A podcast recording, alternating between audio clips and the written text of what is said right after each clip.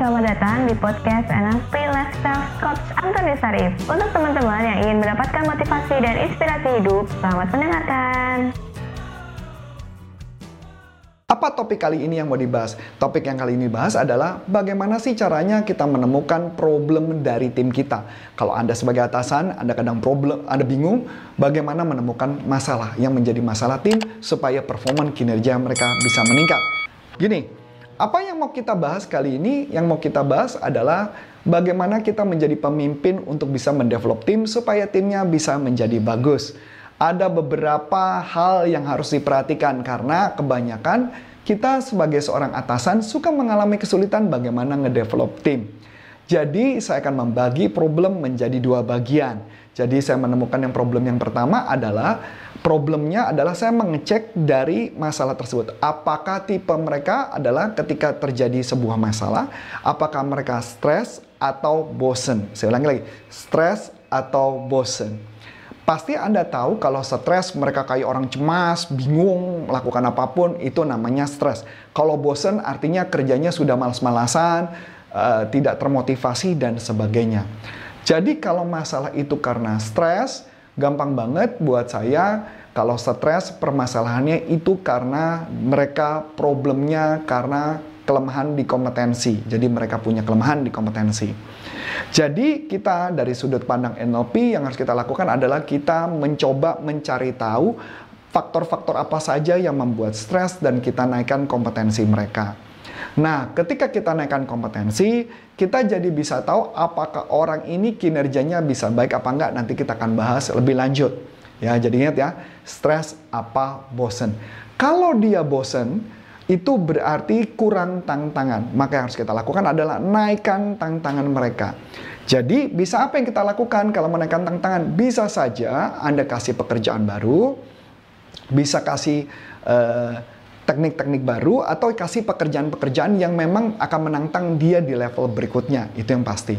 Nah, kalau mereka problemnya di kompetensi, di problem di kompetensi, biasanya kalau saya akan menyarankan adalah kita menemukan, nah ini saya sambil buka komputer saya ya.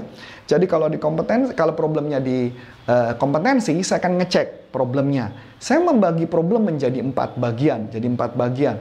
Istilah saya saya sebut namanya L1, L2, L3, dan L4. L1 itu adalah L itu artinya learning. Jadi L artinya learning. L1 kondisinya adalah motivasinya sangat tinggi, tapi kompetensinya nol. Ya, gampang banget dilihatnya. Jadi kalau seorang sales atau seorang ada orang tim yang masuk, orangnya semangat banget, tapi nggak ada pengetahuannya, berarti kondisinya di L1. Ingat ya, di L1. Kalau orang tersebut dia kondisinya sudah mulai kerja, sudah mulai ngejalanin, motivasinya down, drop. Ya, kemudian kompetensi sudah ada sedikit, itu artinya L2, kondisi L2. Nah, kalau kondisinya orang tersebut makin lama kerjanya makin bagus, tapi masih up and down, motivasinya up and down, tapi kompetensi sudah sedang, maka kondisinya L3. Dan kalau dia semuanya bagus, berarti kondisinya L4. Berarti L4 ya kondisinya. Nah, dari gambaran tersebut, maka apa yang kita bisa pelajarin? Yang bisa kita pelajarin adalah bahwa kenapa orang itu bisa bagus apa enggak tergantung dari tadi kondisi itu. Jadi buat saya pribadi, ini saya kasih pakai perumpamaan. Yang paling perumpamaan yang paling gampang adalah ada seorang anak mau belajar main sepeda. Ini gampangnya gitu aja ya. Jadi ada seorang anak mau main sepeda. Ketika dia mau main sepeda, kayaknya asik banget, gampang banget naik sepeda. Dia bilang, Mama, aku mau beli sepeda, Ma. Dia ngomong sama mamanya. Kenapa? Naik sepeda kan gampang, Ma. Aku bisa. Nah, itu berarti kondisi L1. Motivasi tinggi, tapi ilmunya belum ada. Ketika dia naik sepeda, dan ternyata kondisinya ketika naik sepeda, ketika dia jalan, totonya dia jatuh berulang-ulang maka yang terjadi dia motivasinya nol dan kompetensinya sudah sedikit. Dan di sinilah kondisi di mana kadang-kadang tim mereka bisa resign. Kadang-kadang tim bisa keluar karena mereka menganggap dirinya tidak mampu. Berarti kondisi di L2. Nah, kalau kemudian dibimbing dengan teknik tertentu, maka dia kerjanya bagus, maka itu disebut kondisinya L3. Orangnya mut-mutan, kadang bagus, kadang jelek, kadang bagus, kadang jelek, kadang bagus, kadang jelek, itu di kondisi L3.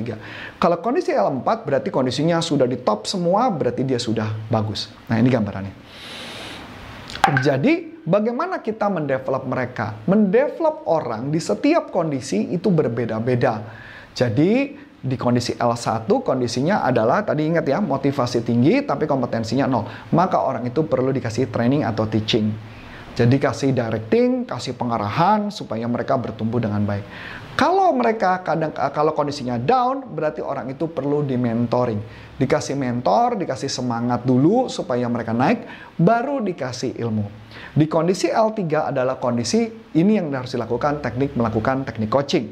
Karena jangan detailing lagi, jangan kasih tahu. Kebanyakan orang suka salah. Di kondisi ini malah dikasih tahu kekurangannya apa. Nggak bisa. Kalau orang yang kondisi lagi down, eh, kondisi naik turun, itu nggak bisa dikasih tahu lagi karena kompetensi sudah bagus. Tugas Anda adalah mengcoaching mereka untuk melakukannya. Di kondisi terakhir adalah empat, maka harus dilakukan delegasi. Dengan teknik yang pas dan tepat, ketika melakukannya, maka akan menjadi timnya akan menjadi lebih baik. Jadi itu gambarannya. Nah, saya mau kasih gambaran supaya pembelajaran lebih asik nih gini. Saya pakai perumpamannya seorang anak aja ya, gampang ya anak ya. Misalnya anak saya namanya Matthew, anak saya namanya Matthew. Dia kan namanya sekolah di SMA, SMA kelas 3, pembelajarannya macam-macam ya. Ada matematik, ada bahasa Indonesia, ada bahasa Inggris, ada fisika, ada macam-macam gitu ya. Ini ilmunya. Nah, kalau dia lemahnya, misalnya dia lemah di bahasa Inggris, Berarti yang diajarin ulang adalah bahasa Inggris. Bukan semuanya diulangin lagi. Kebanyakan suka salah. Ini kita ambil contoh, orang corporate ya. Corporate, Anda punya tim sales nih tim sales itu kita ada yang namanya sales cycle dan itu ada ilmunya masing-masing. Lucunya ketika mereka lemah di satu sisi, apa, satu sisi yang diulang adalah semuanya dan yang terjadi maka orangnya bosen. Maka yang harus Anda lakukan adalah perbaiki yang dia lemahnya, bukan diperbaiki semuanya, tapi yang diperbaiki yang lemahnya saja, bukan semuanya yang diperbaiki. Jadi kalau Anda memperbaiki semua, maka timnya akan terjadi jenuh tentunya. Jadi hanya diperbaiki yang kurangnya saja. Jadi kalau Anda memahami bahwa dalam NLP kita menganggap semua orang bagus, semua orang pada dasarnya hebat. Tinggal kita cari tahu apa yang masih kurang sehingga dia bisa diperbaiki. Nah, mungkin yang video yang singkat kali ini bisa ngebantu Anda untuk memperbaiki diri Anda. Jadi, kalau Anda mau menggunakannya sederhana banget. Yang pertama adalah coba cari dulu, tuliskan nama tim Anda siapa saja, job desk dia apa saja, dan coba Anda tentukan di setiap job desk tersebut L berapa masing-masing mereka. Jadi setiap job desk di L berapa masing-masing, kemudian di develop di bagian tersebut. Maka ketika Anda sudah develop itu, maka otomatis baru hasilnya akan bisa dengan bagus. Nah jadi itu PR yang Anda harus kerjakan. Nah nanti silakan anda bisa komen di bawah ini, nanti akan lihat pembelajarannya seperti apa. Dan saya kasih gambaran, kalau Anda nanti pengen tertarik nanti coaching, kebetulan uh, tim kami Corpora Consulting akan membuat satu channel YouTube lagi khusus untuk coaching dan nanti akan dipegang oleh tim kami namanya Coach Aditya Amijaya yang nanti akan bisa sharing mengenai apa itu coaching. Tapi tunggu aja videonya ya, pasti bakal seru banget. Nah, sebelum akhir kata, sebelum kita mengakhiri ini, saya cuma mau mengatakan ketika Anda belajar teknik NLP dengan cara yang pas dan tepat, dengan teknik yang pas dan tepat, maka akan menghasilkan hasil yang pas dan tepat. Dan pastikan ketika Anda belajar ini, Anda belajar dengan yang real dan orang yang berpengalaman, maka hasilnya akan berbeda. Saya Coach Antoni Sarif dari NLP Leadership Indonesia. Sampai jumpa. Bye-bye. Nah, untuk teman-teman yang sudah menerangkan, terima kasih ya dan nantikan podcast selanjutnya.